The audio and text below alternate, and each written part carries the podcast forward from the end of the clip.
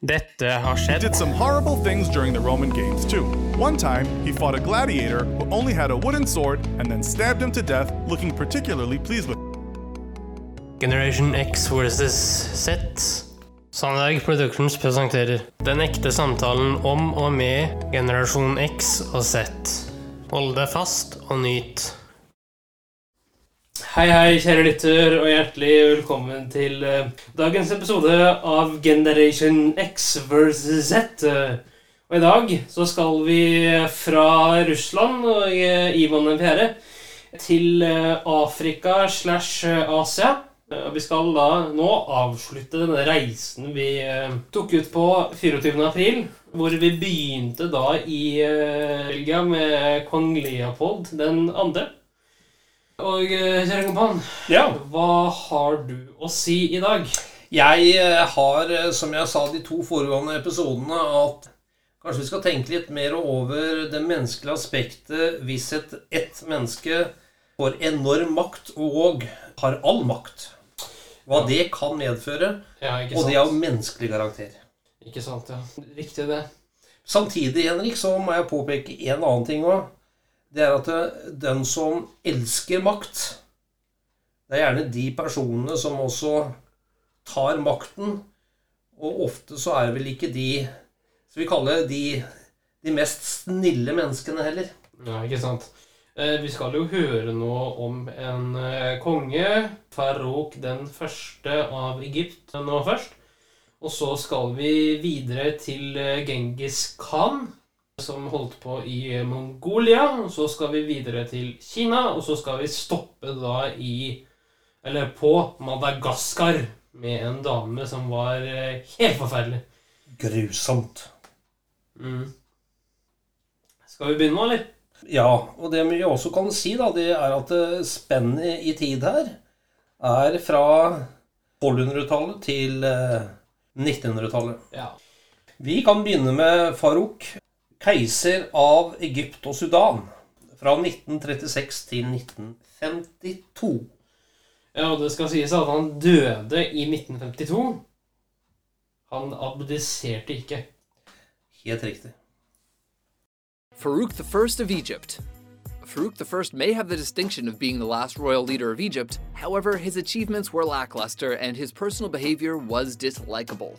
Farouk was a glutton, reportedly eating 600 oysters weekly, so it should come as no surprise he eventually weighed close to 300 pounds. While being fat isn't a crime, stealing the watch off of Prime Minister Winston Churchill sure is. Farouk's kleptomania pales in comparison to what he did when he had nightmares about lions, though. He went to his local zoo and shot two dead in their cage. Ja, Ja. kan man ikke si. Det er ikke Det god er ikke en god leder. Det er det ikke. Det er ikke bra. Han var veldig grådig, han var selvsentrert, han var Ja. Jeg kan eh, si så mye at han var ganske mild i forhold til det dere skal høre nå. Nå kjøres det på til de grader. Vi skal eh, til Mongolia eh, og eh, Genghis Khan. Og vi snakker tidlig 1200-tallet. Ja. Genghis Khan is one of the most prolific leaders and greatest conquerors our world has ever seen, but his reign and success came hand in hand with a lot of gruesome activity. From the mass amounts of people he killed to his extremely horrific practices. On today's top 10 list, I will be covering 10 dark things that Genghis Khan did. Starting off this list in our number 10 spot, we have the amount of people he killed. Genghis Khan is known as many, many, many things, and one of the things he is known for the most is being absolutely ruthless. It is estimated that throughout his life, he is responsible for over 40 million deaths. 40 million. That would have been 11% of the world's population at the time that he lived. That is absolutely insane and totally frightening. If we compare this number to the number of lives that were lost in World War II, it definitely gives us even more perspective on just how large this number really is. World War II is said to have taken the lives of 60 to 80 million people, which was around 3% of the world's population at the time. The actions and decisions of one man took almost as many lives as an entire world war. That is pretty unbelievable. Apparently, because of how many lives he took, the world actually cooled and over 7 million tons of CO2 was removed. Imagine slaying so many people that it has that large of an impact on the global climate. That is just truly unbelievable. In our number 9 spot today, we have his dark childhood. Before I dive into this one, guys, please don't forget to hit the thumbs up button if you're enjoying the video so far. Genghis Khan had a really tumultuous childhood and upbringing, which honestly checks out because how else do you really become that ruthless of a human being? At only 9 years old, his father was killed by an enemy tribe, and shortly after this, his mother was kicked out of the tribe that the family was in, which left her and six children on their own, which certainly was not ideal in these times. This meant that the family had to endure a lot of hardships, and they were often left very hungry and left out in the cold. At only 10 years old, Genghis' half brother refused to share food at one point. This proved to be a fatal mistake because Genghis decided that this was worth killing his own brother over. I'm not sure about you guys, but it seems like this may have been one of the first red flags that really showed exactly what was in store for the rest of his life life. In our number 8 spot today we have the torture techniques.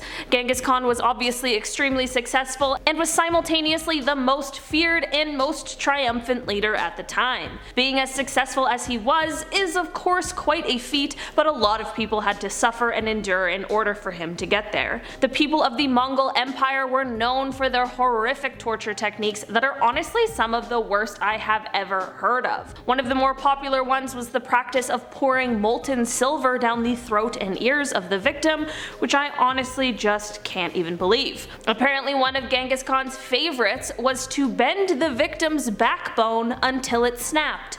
I'm sorry for telling you guys that one because I wish I could erase that knowledge from my own brain. I think it suffice to say that there were a lot of really horrible things going on at this time. In our number 7 spot today we have the Khwarezmian Empire. I am not so sure as to how Iranian people feel towards him now, but they most definitely used to hate Genghis Khan very much and I absolutely cannot blame them. The Khwarezmian Empire was located in Iran and it was one of the most powerful empires until until Genghis and the Mongol Empire invaded it. Just a few short years after this invasion, the entire empire had been destroyed and taken over by the Mongol Empire, and of course, an insane amount of lives were lost in the process. It is estimated that during this takeover, Genghis Khan slaughtered around three quarters of Iranians. That is absolutely unbelievable and is one of the largest genocides in history. This has of course affected the population of Iranian people for years to come, and it is said that that it took 700 years for the population numbers to rise back up to what they were before these brutal killings. In our number 6 spot today we have revenge. Remember earlier when we were talking about his rough upbringing and how his father died when he was only 9 years old because he was killed by an enemy tribe? Well, of course, Genghis wasn't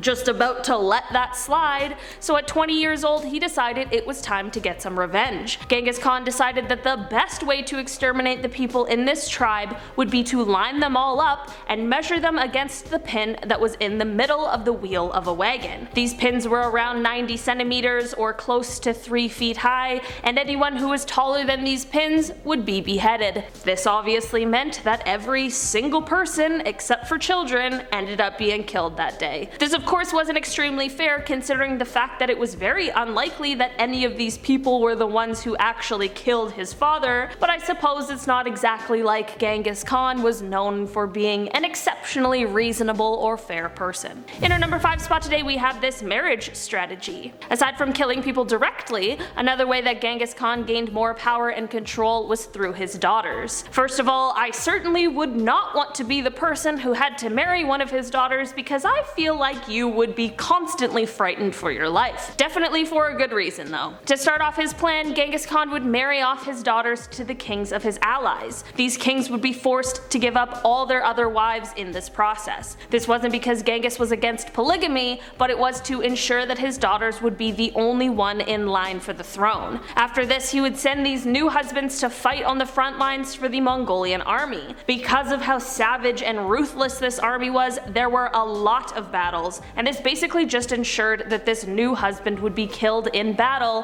which of course then left the daughters in the direct line to take over the kingdoms. While I definitely have to give credit for this being quite a smart tactic, it's of course exceptionally brutal and really just not the best way to gain power. In our number 4 spot today we have the favorite son-in-law. While most of his daughter's husbands were just a means to power, there was one husband however that was actually very well liked by the family. Tukchar was actually not only loved by his wife, but was Genghis Khan's favorite son-in-law. Unfortunately, he was killed by an archer from Nishapur, which left his widow on a path for vengeance. Genghis Khan sent his troops to Nishapur, where they then proceeded to kill every single person there. There is some debate about exactly how many people were killed, but it is estimated to be somewhere around 1,748,000. Even if it was half of that, that is still an unbelievable amount of people, and it is pretty insane that they just went and ended the lives of every person that they came across, no matter what. The troops were instructed to behead every person in order to make sure that they all passed away from their wounds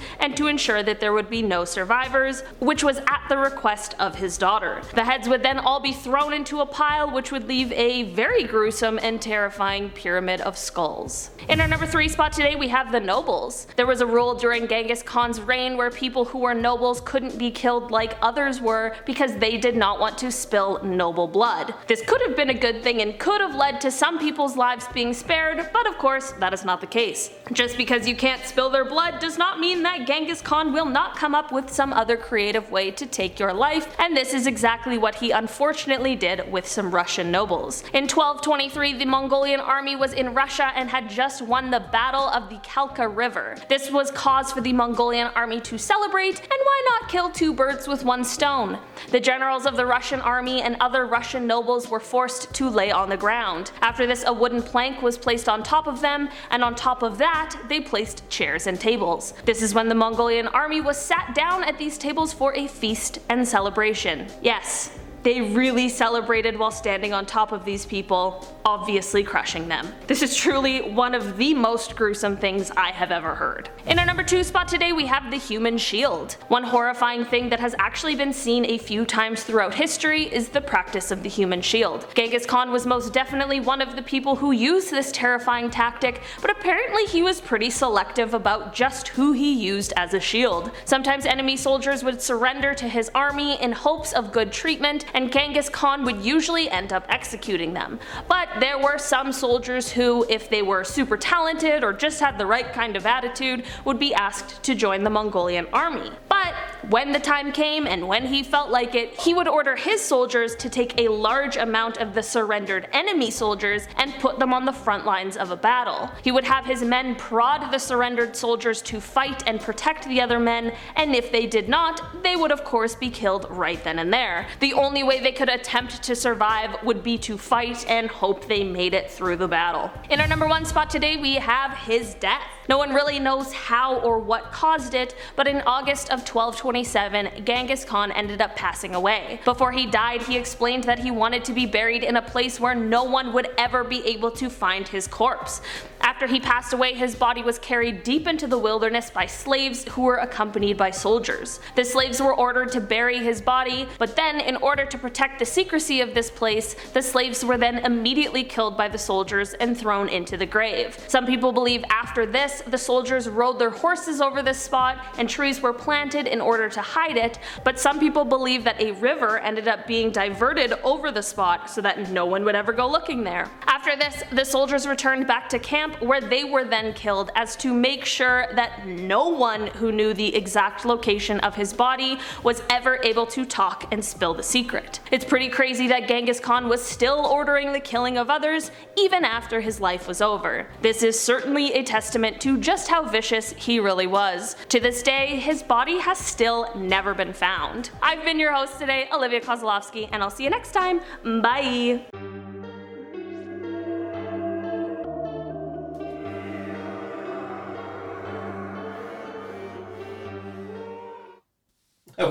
ja. Man blir litt svett. ja da, man eh, blir eh, litt sånn eh, rar når Ja. man tenker på det. Men du er ikke, du er ikke ferdig ennå, vet du. Nei da, vi er ikke ferdige. Nå skal vi til en keiser i Kina som ville leve som en vanlig mann. Ja, Han klarte vel ikke helt det. Han, og navnet hans, Henrik, du som kan kinesisk. Shu, Shu Shao. Ja, noe sånt. Men han ble kalt for Zhengd-keiser og levde da i Ming-tiden.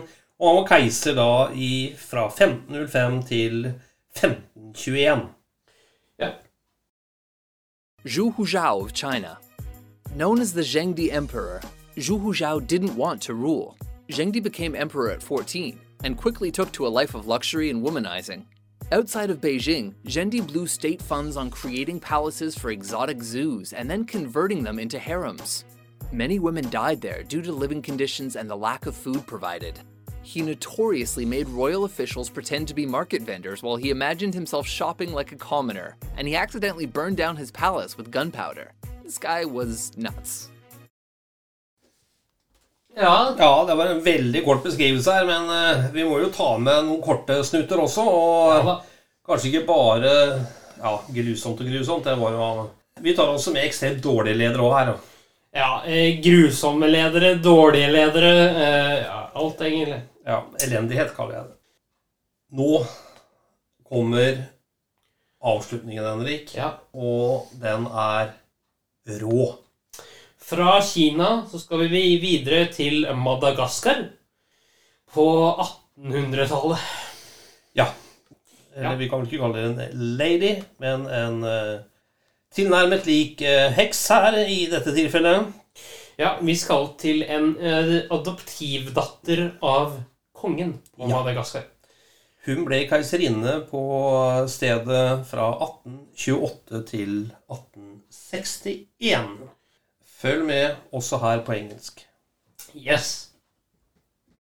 It's the early 19th century, and you're a member of the Madagascar military. Your job is to fend off the attempts at colonization by the British and the French, both of whom are aggressively seeking to establish colonies in your home country and subjugate your people. You're a proud patriot and have fought in numerous battles against European armies, emerging victorious each time. But right now, none of that matters because Queen Ranavalona, the Mad Queen of Madagascar, has questioned your loyalty and threatens death, along with that of dozens of other members of the military. But Queen Ranavalona is a fair and just queen. She has arranged for a way that you can prove your loyalty. You simply have to eat three raw chicken skins. That's right, no trial, no evidence, no jury. Just eat three raw chicken skins and you'll have proven that you're a loyal subject and free to go. You immediately wolf down the first skin, followed by the second, and finally, after a few nauseous gulps, the last. The raw skins slide down your throat covered in slime, and you're getting the urge to vomit. Try as you might, you can't help yourself, and you puke up two of the three chicken skins on the spot.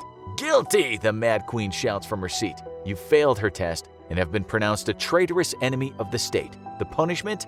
Death. And all because you failed the Queen's loyalty test. See, the Queen knows that a truly loyal subject would have vomited all three skins immediately. Welcome to the court of the Mad Queen of Madagascar, a woman so evil she killed off most of her own subjects. Ranavalona I began life as Ramavo, the daughter of lesser royalty. Her life, however, took a very Cinderella like turn when her father became aware of a plot to murder the current king and promptly warned his master of it. The conspirators were discovered and the plot foiled, and in his generosity, the king took Ramavo as his adopted daughter and married her to his son and heir to the throne, Radama.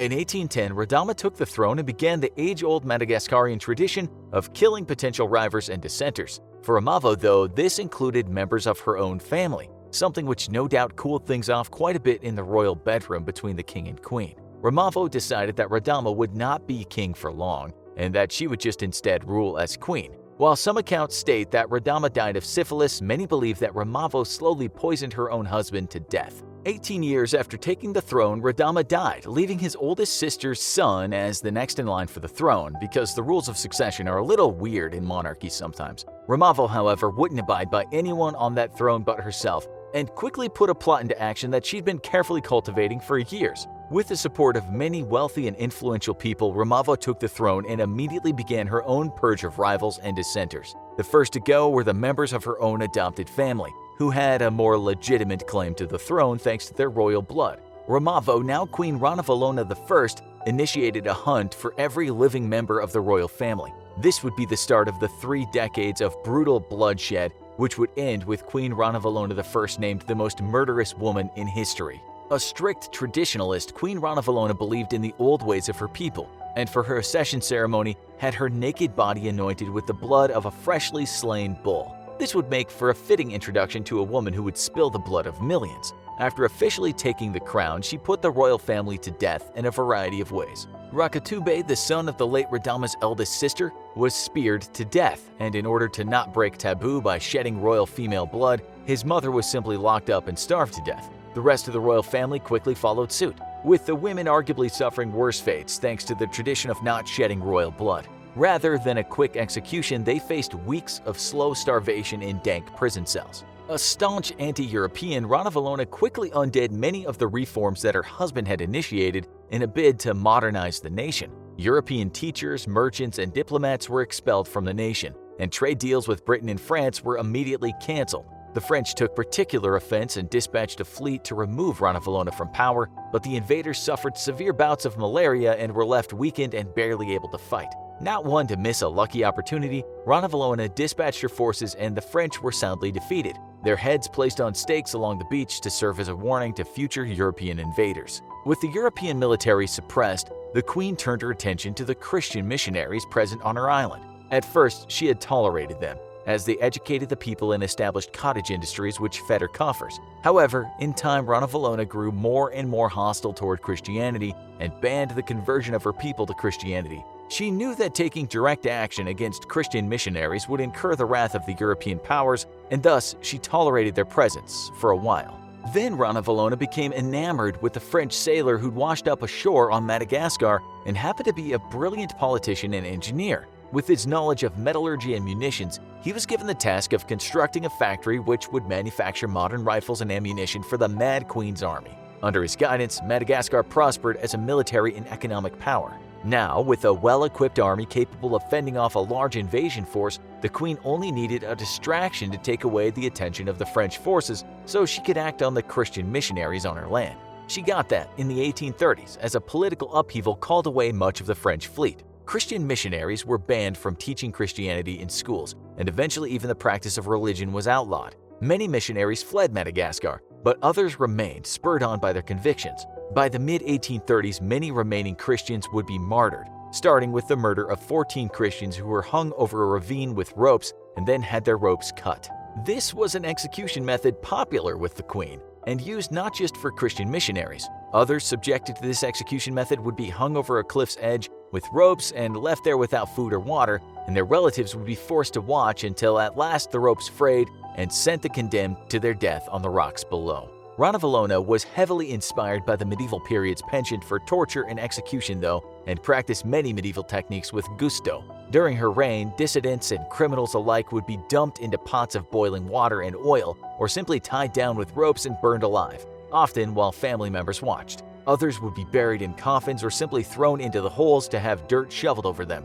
The queen also embraced the practice of fanompoana, or the use of poor Malagasy who were unable to pay taxes for forced labor. In essence, any poor citizens unable to pay their taxes became slave labor used to build everything from houses to roads and whatever crazy whim the queen had on that particular day. Those slaves were typically forced to work far from home, and as the labor was unpaid, they faced slow starvation if they ever tried to return home. As a result, many starved to death or died from the brutal labor conditions. Largely unable to pay her military troops, the queen instead once more turned to tradition. Military units were given the right to pillage other tribes on the island and would kill, murder, and rape with abandon, often stealing everything that they could carry away with them, including naturally many slaves. This proved popular with the military and understandably was far less so with their subjects. Yet it wasn't just her poor subjects that were at risk from the queen's madness. As Ranavalona grew older, she grew ever more erratic and unsettled, leading to the infamous Buffalo Hunt of 1845. On pure whim, the queen suddenly ordered that her entire royal court go on a buffalo hunt and insisted that each noble had to bring a full retinue of slaves and underlings. The hunting party grew to around 50,000 people, and the queen ordered that a road be built into the jungle ahead of the hunting party so as to ease its travel. With no advanced planning, the expedition took off with thousands of slaves and laborers struggling to build a road through thick jungle. As the workers hacked their way into thick, malaria laden jungle and swamps, disease ran rampant, decimating the labor force. Nonetheless, the Queen demanded more labor be found and the work continue. Because the hunting party of 50,000 had taken off with no advanced preparation, there was little food available and even the nobles of her court were not spared death and disease. The hunting party was forced to forage for food or take what they could find from villages they passed, with even the highest nobles paying exuberant prices for simple rice. As the corpses piled up, they were simply tossed into ditches along the road, and the party progressed forward regardless of the human misery. Astonishingly, the buffalo hunt lasted for 16 weeks, with a road leading nowhere built deep into the jungle so that the queen could travel comfortably. By the end of the expedition, 10,000 men, women, and children were killed, and not a single buffalo was ever shot. Queen Ranavalona's son eventually grew tired of her insanity and hatched a plot alongside his European friends to remove her from power. Her son Rakoto was popular with the people and the soldiers for sparing so many from the queen's insane tortures and punishment, or making sure that they were fed. Sadly, the plot was discovered by the queen, and though she spared her son and his European friends, she forced the other conspirators to march through deep, malaria infested swamps where most succumbed to disease or wildlife. Rakoto would go on to plot against his mother several more times, though none of the plots would succeed. Still, she spared her son, and ultimately, after her death from natural causes, he was named king, immediately turning around all of his late mother's insane and cruel practices. Though it's impossible to know for sure, it's estimated that under Queen Ranavalona's rule, anywhere from 50% to 75% of her subjects were executed, starved, or worked to death, or died in clashes with European powers. Queen Ranavalona I is thus officially the most murderous woman in history. Ja, Ja. eh, Da har man liksom et eh, perspektiv på det. ja eh, og her stopper reisen. Her på reisen, og eh, bare nevne at det er så mange, mange, mange flere eksempler. Nå har vi bare tatt noen få. Ja, Vi har vel tatt noen av de mest kjente. Ja, og noen som kanskje ikke er fullt så kjente. Ja. Eh, men vi har selvfølgelig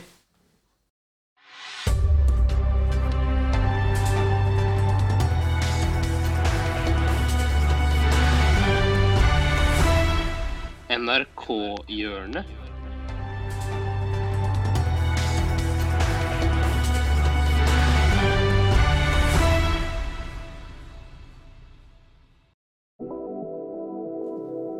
NRK-hjørnet. Selvfølgelig, kjære sønn. Selvfølgelig. Vi må balansere. Ja.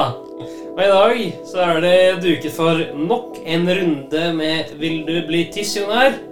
Gjerne det. Ja.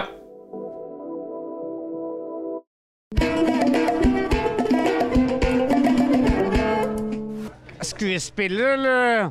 Jo da, jeg skal spille nå. Vi kommer med spørsmål nå, vet du. Vi spiller Vil du bli tusjonær? Vi spiller Vil du bli tusjonær? tusjonær. Yes. Hva sa Gro Harlem Brundtland? Sa hun A. Det er typisk norsk å være god. Det er typisk norsk å være dum. Eller er det C. Det er typisk norsk å være utlending. Eller D. Det er deilig å være norsk i Danmark. Å være Danmark. I Danmark? Ja. Det. Det er deilig å være norsk i Danmark? Ja. Husker du den? Det er deilig å være norsk i Danmark. Ja, ja. Nei, vi er i Norge nå, men jeg sa det da. Det er dessverre feil også. Det er typisk norsk å være utlending. Ja. Ok, bror. Ha det godt. Fullfør dette norske uttrykket. Å sette skjegget i A. Postkassa. På postkontoret. Å sette skjegget hos postmann. Eller å sette skjegget i moskédøra. Uff, uff, uff. den det. Å sette skjegget i moskédøra? Ja. I moskédøra? Ja. Har du satt skjegget ditt i moskédøra før? Bedre i moské, fordi det er masse brødre kan hjelpe til. Som kan komme og Ja, ja, ja, ja. Det er dessverre feil. Bare, du vet Fordi du vet. Det er et norsk uttrykk å sette skjegget i postkassa. Det er hvis du har langt skjegg. Den sitter fast i postkassa, så øh, så du kommer, får den ikke ut. Postkassa? Ikke i Nei. Jeg er jo egentlig muslim, da. Ja. Men jeg tar et glass øl av og til. Så det er ikke noe skjegg å sette i moskédøra der? Nei, ikke fra min side, iallfall. Uka skal jeg til Tromsø. der. Du skal til Tromsø? Ja! Oi, Hva er best, Grønland eller Tromsø? Nei, Grønland er helvete, men Tromsø er best. Da skal jeg flytte dit, jeg også. Klassiske norske eventyr begynner som regel med 'det var to gang'. Eller er det B 'det var en gang'? Eller er det C 'hva skjer, går bra'? Eller D 'hør her da, bror'. Kan få hjelp. Du kan, hvis du vil, så kan du ringe en venn. Skal jeg ringe til kjæresten? Ja, ring til kjæresten, så kan vi se, kanskje vi kan få litt hjelp. Ja. Din kjæreste er med på 'Vil du bli tusjonær'? Det. Det var en gang. Ja. Er du sikker på det? Ja. Det er korrekt. Yes! Da har han vunnet 50 kroner, så da bør han ta deg med ut på en liten eh, middag der. Ja, det syns han bør gjøre. Ikke glem å hente ham på flyplassen. Tusen takk.